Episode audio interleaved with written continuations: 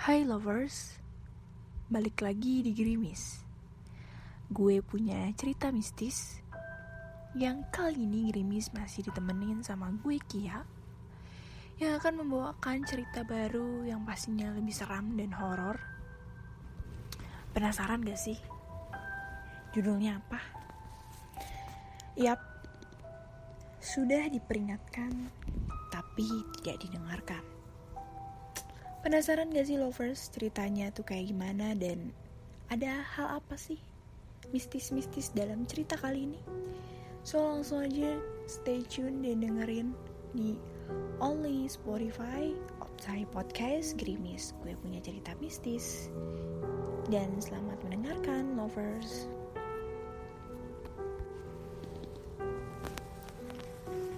Kali ini gue mau ceritain pengalaman horor yang dialami oleh Jimmy ketika melakukan pendakian ke Gunung Semeru bersama lima orang temannya. Cerita ini karya Vidi Muhammad dan langsung aja gue bacain.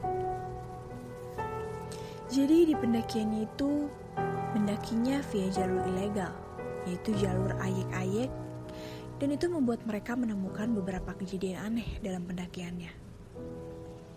Jalur itu sebenarnya legal, tapi saat itu jalur ayek-ayek ini sudah ditutup oleh pihak TNBTS karena terlalu bahaya buat pendaki. Sampai sekarang mungkin jalur itu masih ditutup sih.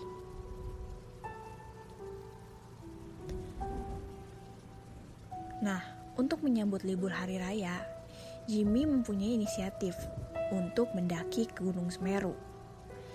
Dia kasih pengumuman nih ke grup buat ngajak teman-temannya. Jadi Jimmy ini punya grup pegiat alam. Anggotanya gak cukup banyak, cuma beberapa orang aja. Nah, teman-teman di grupnya ini ngerespon nih, sampai akhirnya beberapa dari mereka mengatakan pengen ikut. Kira-kira ada lima orang, dan enam orang termasuk Jimmy. Beberapa hari setelahnya mereka berkumpul nih di sebuah tongkrongan buat ngebahas rencana ke Gunung Semeru. Sekalian buka puasa bersama. Mereka kumpul di rumahnya Yaya, salah satu temannya Jimmy yang bakalan ikut juga nih ke Gunung Semeru. Berkumpullah mereka semua di situ, sama ibunya Yaya. Udah disiapin nih hidangan buat buka puasa. Nah, setelah acara buka, buka bersama udah selesai, mereka mulai nih ngebahas rencana ke Gunung Semeru. Ngobrol lah sana kemari, tentuin hari keberangkatan dan segala macamnya. Sampai akhirnya sepakat buat berangkat ke Gunung Semeru di Hamin setelah hari raya. Hamin satu setelah hari raya. Nah, itu semua mereka sengaja nih buat mengantisipasi kondisi karena pastinya di hari itu akan banyak nih orang-orang yang bakalan ngedaki. Secara ya itu kan hari raya ya, libur juga. Singkat cerita, tibalah nih hari yang udah ditentukan. Mereka semua berkumpul di rumahnya Jimmy buat packing peralatan. Jadi di situ udah ada enam orang. Yang pertama ada Jimmy, terus Yaya, Tony, Agus, Andika, dan ada satu cewek namanya Citra. Setelah udah packing semua, mereka langsung nih berkendara menuju ke tempat tujuan. Setelah menempuh kurang lebih dari dua jam perjalanan, sampailah mereka di base camp Gunung Semeru nih yang letaknya berada di desa Ranupani. Nah, sesampai di sana ternyata udah rame banget nih sama pendaki, udah kayak pasar hingga tuh mereka ngedapetin tempat parkir motor tuh di luar karena tuh yang di dalam tuh udah penuh banget gila padahal udah nyempetin hamin satu loh tapi tetap aja rame batin Jimmy setelah parkir mereka jalan ke pos perizinan sesampai di sana Jimmy meminta nih fotokopi KTP ke teman-temannya dan semua syarat yang sudah disiapkan tempo hari. Setelah itu dia jalan ke pos buat minta izin dan ternyata siang itu pendaftaran udah ditutup karena kuota pendakian hari ini tuh udah penuh. Menurut petugas tuh yang berjaga tiap harinya itu diperbolehkan hanya 200 pendaki yang naik. Apes dah, terpaksa harus nunggu sampai besok dong baru bisa naik. Pikir Jimmy. Tapi gak apa-apa lah, sekalian nyantai-nyantai dulu di Ranupani. Lanjutnya. Jimmy ini memberitahukan sama teman-temannya Terus mereka nyari nih tempat camp di sekitaran pos buat nunggu besok hari untuk mereka mendaki. Nah setelah nemuin tempat, mereka mendirikan tenda. Dan sore harinya tuh mereka pergi nih ke danau Ranupani untuk foto-foto di sana. Sebuah desa yang sangat sejuk dan asri ditambah pemandangan perbukitan hijau sejauh mata memandang dan sore itu satu persatu pendaki pada berdatangan nih ke Ranupani dengan tujuan yang sama. Ini gunung udah kayak pasar aja. Padahal lu gak seramai ini loh. Ucap Jimmy. Iya, korban belum semua ini mah. Jawab Yaya. Setelah puas menikmati pemandangan danau, mereka pun kembali ke tempat camp dan hari itu mereka sepakat nih buat makan di warung aja karena perbekalan mereka nih udah cukup buat di perjalanan aja. Nah, pas malam harinya mereka nih nikmatin aja gitu dinginnya Ranupani dan baru nih kebesokan harinya sekitar jam 6 pagi Jimmy dan Yaya cepet-cepet nih pergi ke pos buat minta izin. Dan ternyata pagi itu pos sudah penuh banget sama pendaki yang udah izin juga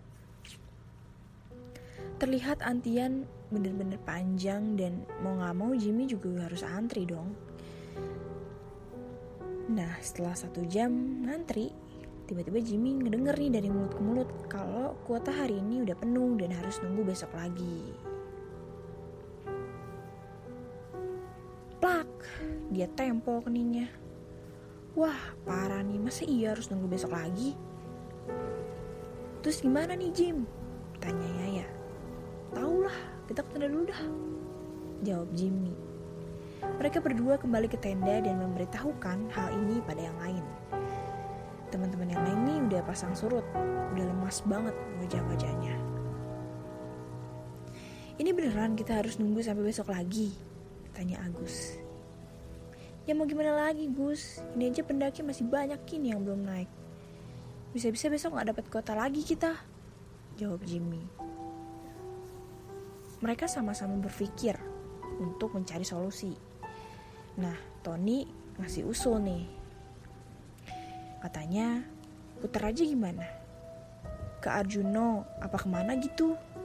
Ya daripada nunggu besok dan belum belum tentu bisa naik. Jimmy kurang setuju, karena dia udah sangat ambis untuk ke Semeru. Gak lama kemudian ada satu rombongan yang duduk di dekat tenda mereka. Bang, udah dapat formulir belum? Tanya pendaki itu. Belum nih mas, kita dari kemarin nungguin. Jawab Jimmy. Waduh, ini aja yang dari kemarin masih nggak bisa naik, apalagi kita yang baru datang. Lanjut pendaki itu. Ya gitulah mas, kalian emang dari mana? Tanya Jimmy. Kita dari Bandung, bawa 15 orang, jawab pendaki itu. Jimmy masih berpikir untuk mempertimbangkan usul Tony tadi. Lalu teman dari pendaki Bandung itu datang dan mengajak rombongannya buat putar ke B29 aja. Nah, B29 ini itu tempat uh, wisata yang terkenal dengan sebutan kampung di atas awan. Jaraknya ini nggak jauh dari dari Ranupani. Ya udah ya bang, kita balik dulu. Yang lain ngajakin ke B29. Ucap pendaki itu kemudian pergi.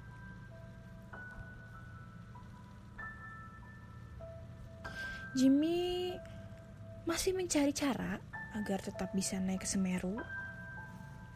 Dia pun bertanya-tanya nih ke pendaki di sekitar situ. Ya siapa tahu ada yang bisa bawa dia naik. Maksudnya Jimmy kalau ada dia ingin ikut gabung dengan rombongan orang yang sudah dapat izin. Ya tapi hasilnya nihil. Ketika sedang bingung mencari solusi, tiba-tiba muncul nih dalam pikirannya buat mendaki tanpa izin. Ya kata lain ilegal lah ya. Lagi pula izin cuma buat syarat aja kan? Pikirnya. Dia memperhatikan orang-orang yang akan naik dan ternyata di gerbang masuk hutan sudah dijaga nih sama petugas dan setiap pendaki yang akan naik dan diminta menunjukkan surat izin dari pos. Dari sinilah Jimmy mengambil jalan pintas. Gunung ini kan ada dua jalur. Kalau lewat sini nggak boleh. Mungkin bisa lewat jalur satunya. Pikirnya. Dulu dia memang pernah mendaki ke sini melalui jalur itu yaitu jalur ayek-ayek tapi sekarang jalurnya udah ditutup dan gak boleh dilewati buat pendaki lagi. Dia cek nih jalur ayek-ayek dan ternyata jalur itu gak ada yang jaga. Lah, ini kan aman. Kenapa gak lewat sini aja? Tontar juga ketemunya di Ranu Kumbolo. Pikirnya. Karena udah sangat berambisi pengen banget naik, dia pun kembali nih ke tenda dan mengajak teman-temannya untuk naik melalui jalur itu dengan diam-diam atau ilegal. Jim, serius mau lewat aek-aek? Apa nggak resiko? Tanya Yaya. Enggak, tenang aja. Aku udah pernah lewat situ dulu. Jawab Jimmy dengan yakin. Ya tapi kan sekarang jalurnya nggak boleh dipakai. Lanjut Yaya. Makanya itu kita diam-diam. Udahlah percaya aja sama aku. Yang penting kan kita bisa naik. Jawab Jimmy mempertegas. Mereka semua percaya dengan Jimmy dan sepakat nih buat naik via jalur ilegal ini. Tenda mereka nih mereka kemas, kemudian satu persatu dari mereka berjalan ke jalur tersebut. Mereka sengaja nih diam-diam agar tidak ketahuan oleh petugas karena bisa dibilang mereka ini melalui jalur ilegal. Setelah cukup jauh masuk ke jalur itu, mereka berjalan seperti biasa sambil ngobrol-ngobrol ngidul nih. Dan Jimmy memberitahu ke mereka kalau jalur ini bisa lebih cepat sampai di Ranu Kumbolo. Tapi cukup terjal buat dilalui. Ya mungkin karena ini tuh jalurnya sekarang gak boleh dilewati aja. Setelah kurang lebih satu jam perjalanan mereka istirahat, kemudian Yayani tanya sama Jimmy.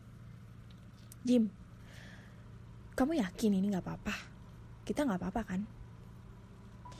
Ya gak apa-apa santai aja. Aku tuh pernah tahu lewat sini dulu. Jawab Jimmy yang meyakinkan. Ya, sepertinya ya sudah merasa ragu. Ya tapi oke okay lah, mereka percaya aja nih sama Jimmy. Setelah cukup istirahat, ya mereka lanjut buat jalan lagi. Beberapa meter meninggalkan tempat istirahatnya, mereka nih menjumpai sebuah bangunan kayu. Ya kalau dilihat-lihat nih kayak warung. Mereka jalan menuju bangunan itu dan ternyata bener ini memang warung. Penjualnya ini adalah yang sudah cukup berumur. Ini bener-bener kebetulan banget.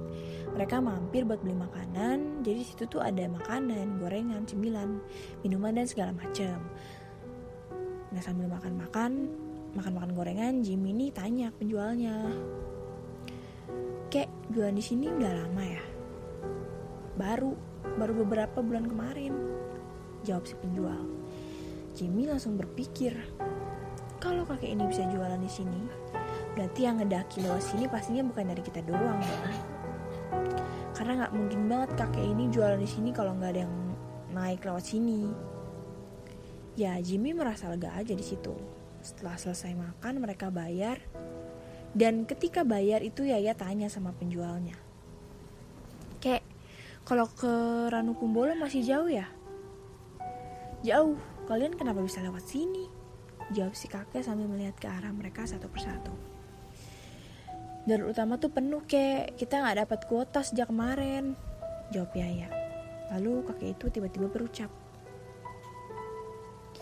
Ya lebih baik kalian balik aja deh, jangan lewat sini, soalnya ini, ini jalurnya bahaya banget. Iya kek, saya tahu kok, dulu pernah lewat sini soalnya. Timpa Jimmy. Kakek itu terus melihat mereka dengan tatapan yang aneh, seperti mengisyaratkan sesuatu. Setelah mereka bayar, mereka pamit nih sama kakek itu dan ya udah ngelanjutin perjalanan tanpa mikirin yang tadi si kakek bilang. Nah beberapa meter ninggalin warung, ya ya tanya dong sama Jimmy. Jim, kamu ngerasa gak sih ada yang aneh sama warung tadi? Aneh kenapa? Biasa aja ah. Mungkin kakek itu emang orang sini dan hidup sendiri. Jawab Jimmy. Bukan itu. Katanya kan jalur ini udah lama ditutup. Ya tapi ngapain kakak itu jualan di sini? Emangnya siapa yang mau beli? Lanjut Yaya. Ya terserah dia dong. Buktinya tadi tadi aja kita ada yang beli. Udah kalian jangan mikir yang aneh-aneh, nyampek-nyampek di Ranu Kumbolo. Jawab Jimmy. Yaya udah mulai merasa nih udah nggak beres nih, tapi dia nih berusaha banget tenang dan ya udah percaya aja sama Jimmy. Nah mereka terus nih berjalan dan semakin lama jalurnya nih semakin menanjak, ekstrim, menuju ke atas gunung Ayek-Ayek. Nah di tengah perjalanan melewati jalur yang ekstrim, beberapa kali mereka berhenti karena capek. Dan ketika berhenti untuk yang kesekian kali, tiba-tiba kabut turun dan semakin lama semakin tebal. Waduh Jim, jangan-jangan mau hujan nih, ucap Yaya. Ya nggak apa-apa, siapin aja jas hujan. Kalau beneran hujan tinggal pakai aja. Pinta Jimmy. Setelah cukup istirahat, mereka jalan lagi nih. Dan kali ini jalurnya udah berkabut banget. Jarak pandang tuh cuma sekitar 5 meter lah ya. Nah dari depan, Jimmy ini udah ngasih arahan nih. Biar jalannya ini nggak jauh-jauh dan nggak berpencar. Gak berselang lama dari barisan tengah tiba-tiba Citra jatuh dan hampir saja dia terperosok ke bawah. Mereka segera menolong Citra dan saat itu kakinya Citra tuh langsung terkilir. Mereka semua berhenti lagi buat memberi pertolongan sama Citra. Cit, kamu gak apa-apa kan? Masih bisa jalan? Tanya Jimmy.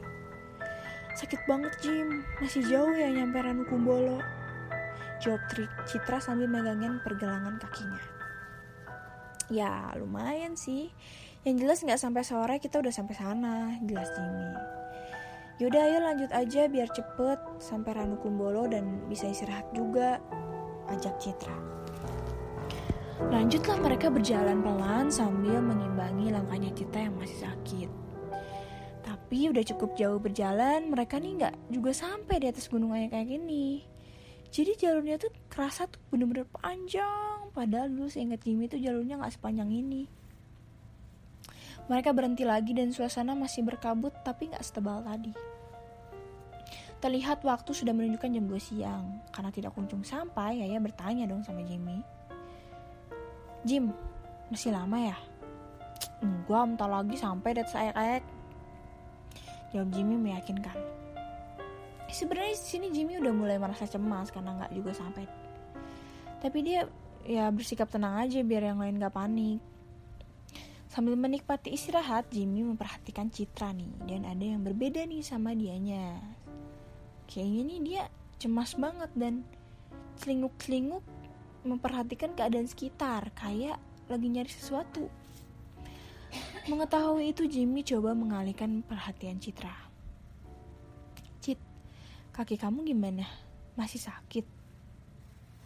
Masih Jim, tapi masih bisa ditahan kok, jawab Citra. Karena udah gak capek, mereka mutusin buat ja lanjut jalan lagi dan setelah beberapa menit berjalan tiba-tiba Citra nyeletuk. Eh, kita balik aja yuk, aku takut, ucapnya sambil panik. Lah, kok balik sih? Ini udah mau nyampe loh, jawab Jimmy. Tapi aku Jim, aku punya feeling gak enak, jelas Citra. Udahlah Ci, tenang aja, jangan mikir yang enggak-enggak deh. Ucap Jimmy meyakinkan. Mereka terus berjalan dan Citra menurut aja nih sama Jimmy. Setelah cukup lama berjalan, akhirnya mereka nih sampai di Gunung Ayek-Ayek. Dan di sini Jimmy merasa sangat lega karena ya seenggaknya mereka udah berhasil nih lewatin jalur yang ekstrim. Terlihat waktu udah menunjukkan jam 4 sore dan di atas gunung ayak-ayak itu kabut udah nutupi jalan yang udah mulai hilang, tapi cuma di puncak ayak-ayak aja. Sabana yang harusnya terlihat dari situ ketutup banget nih sama kabut yang sangat tebal. Jim, katanya jalur lebih jalurnya lebih cepat dari jalur utama. Ini sih lebih lama dua kali lipat. Tanya ya sedikit kesal. Sebenarnya deket ya. Cuma kayak tadi jalannya pelan karena kabut, jawab Jimmy. Ya tetap aja Jim, ini udah jam berapa kita baru sampai sini? Lanjutnya ya. Ya udahlah nggak apa-apa, yang penting sampai. Jawab Jimmy. Di situ mereka istirahat dan melihat kondisi di sekitar khususnya di bawah yang udah berkabut banget dan gak memungkinkan Jimmy memberi usul. Ini enaknya gimana? Kalau lanjut sekarang galunnya ketutup kabut, mestinya gak kelihatan kayak tadi. Emangnya abis ini kita jalan ke mana? Tanya Yaya. Itu ke sana. Sebenarnya ini Sabana, tapi nggak kelihatan. Jawab Jimmy. Mereka mengeluarkan alat masak dan membuat makanan sekalian nunggu sampai kabutnya benar-benar hilang. Baru lanjut jalan lagi. Sambil masak nih Jimmy terus memperhatikan Citra dan dia masih kayak tadi, gelisah dan panik dan memperlihatkan di sekitarnya. Karena nggak ingin terjadi sesuatu, Jimmy nanya nih ke Citra. Cit, nyari apaan sih? Dari tadi kayak ada yang ngikutin kita loh, jawab Citra gugup. Ngikutin? Siapa? Ya nggak tahu, makanya aku tadi ngajakin turun. Udahlah jangan mikir aneh-aneh. Udah, udah kamu tenang aja, jawab Jimmy. Sebenarnya Jimmy sendiri juga udah ngerasa ada yang janggal karena perjalanan mereka ini ya terasa sangat lama dan tapi dia tidak mengatakan itu yang lain sampai kira-kira jam 5 sore kabut masih nutupi sabana dan ngebuat mereka nih sepakat buat bermalam di Gunung Ekek aja. Sore itu mereka mendirikan tenda dan lanjut menikmati pemandangan dari atas Gunung Ekek. Malam harinya mereka nongkrong di luar tenda sambil buat perapian kemudian Citra minta tolong sama Tony buat nganterin buang air kecil. Pergilah mereka nyari tempat buang air kecil dan gak lama kemudian tiba-tiba Tony teriak. Tolong Jimmy, ya ya cepet sini, Citra pingsan. Duh, mereka semua kaget dan segera lari ke arah Tony. Dan benar Citra dalam keadaan pingsan. Mereka segera mengangkat Citra kembali ke tenda dan berusaha membuat Citra sadar. Malam itu semuanya panik dan beberapa saat kemudian akhirnya Citra bisa sadar dengan sendirinya. Nah dan setelah sadar dia langsung nutupin mukanya karena dia ketakutan benar-benar takut tubuhnya gemetar dan menangis. Citra, tenang Cit, kenapa? Lo ada apa? Tanya Jimmy. Tapi Citra masih terus nangis dan ngerekek minta balik turun. Aku nggak mau di sini, kita harus turun sekarang juga. Ucap Citra dengan ketakutan. Ya semua heran dong, kenapa nih tiba-tiba Citra jadi kayak gini?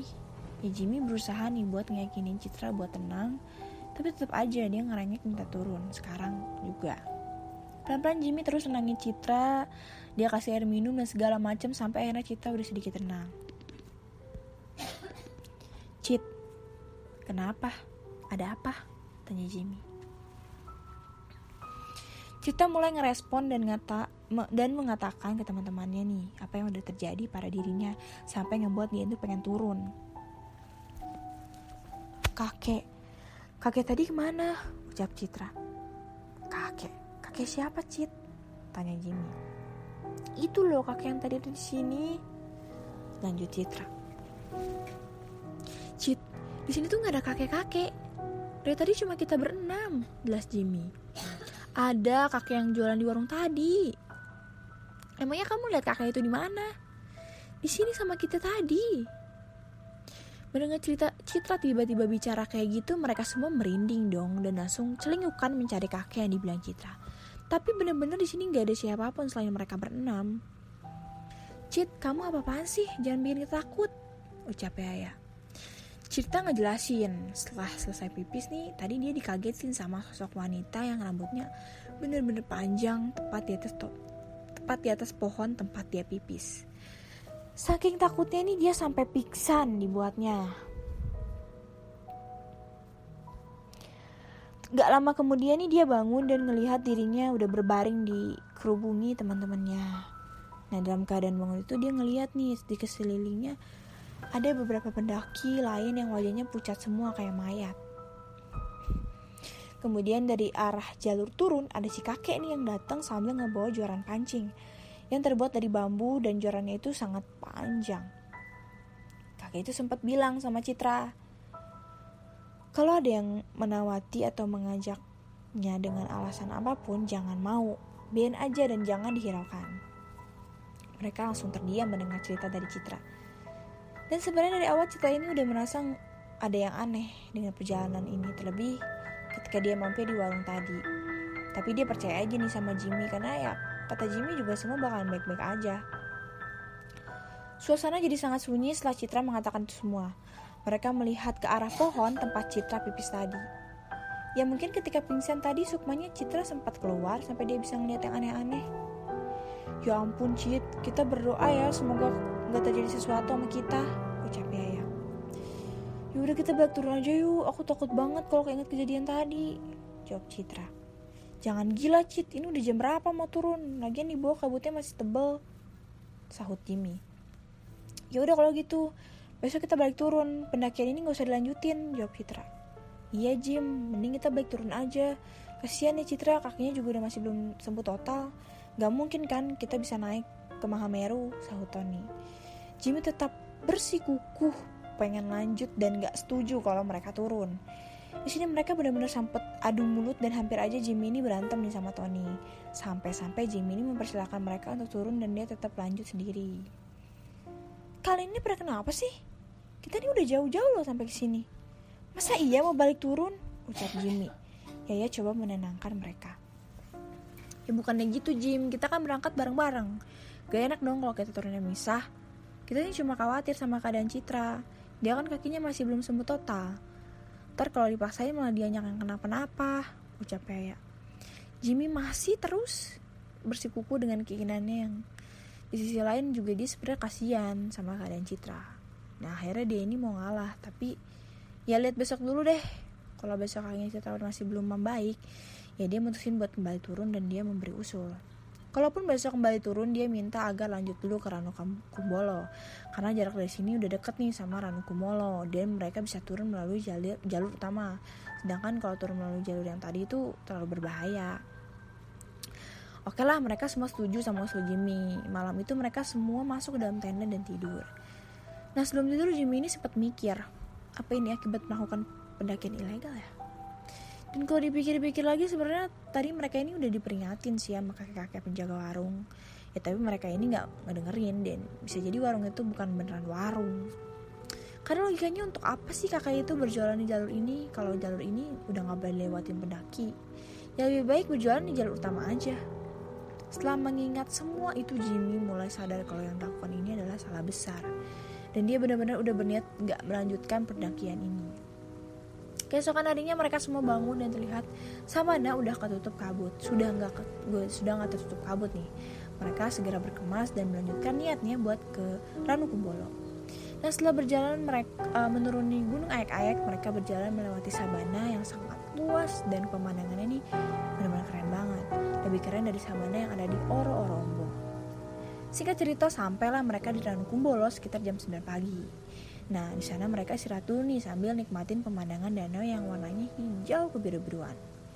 Mereka menghabiskan semua perbekalannya di Ranu Kumbolo. Nah, sekitar jam 11 siang mereka nih kembali turun melewati jalur utama dan kalaupun nanti diminta keterangan izin mereka udah pasrah dan siap mengakui kesalahannya. Nanti perjalanan turun, Citra ini jalan sedikit pincang karena kakinya emang masih kerasa sakit banget. Dan kalau dipakai buat jalan menurun ini mereka sangat-sangat sangat-sangat beruntung. Sampai di pos nggak ada petugas yang memeriksa dan kondisi di pos pendakian masih sangat ramai oleh pendaki yang belum mendapat kuota pendakian. Nah di pos mereka istirahat bentar dan tepat jam 2 siang mereka ngambil motor di, di parkiran. Kemudian ya berkendara pulang dengan selamat.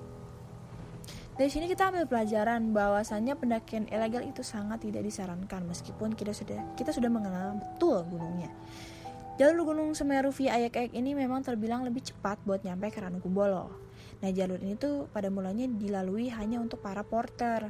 Mereka ini kayak penduduk lokal gitulah yang mengenali betul tentang seluk beluk jalur tersebut. Jika pendaki melewati waktu rejang waktu tempuh yang dibutuhkan itu sekitar 5-6 jam. Tapi saat melewati ayak-ayak cukup tiga setengah jam saja udah sampai di Ranukumbolo. Nah, Alasan ditutupnya jalur ayak-ayak ini karena jalurnya terbilang ekstrim dan sangat berbahaya untuk dilalui.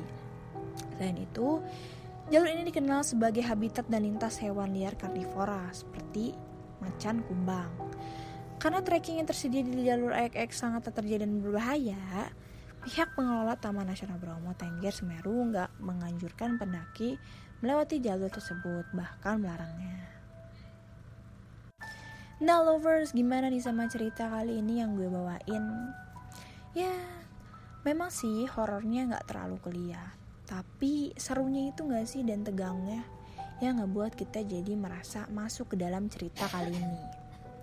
Dan buat lovers yang masih pengen banget ngedengerin cerita selanjutnya di Gerimis gue punya cerita mistis langsung aja pantengin di Spotify Offline Podcast. Dan pelajaran yang bisa kita ambil dari cerita ini mau di mana pun tempatnya lo harus tetap ngikutin aturan dan harus juga kompak dalam satu tim ya. Apalagi kalau mau mendaki gunung. Mistisnya nih dapet banget ya. Jadi kita juga harus tahu tempat di mana kita harus menyesuaikan diri apalagi dengan teman satu grup ya lovers. Dan segitu aja dari gue. See you in the next episode. Bye bye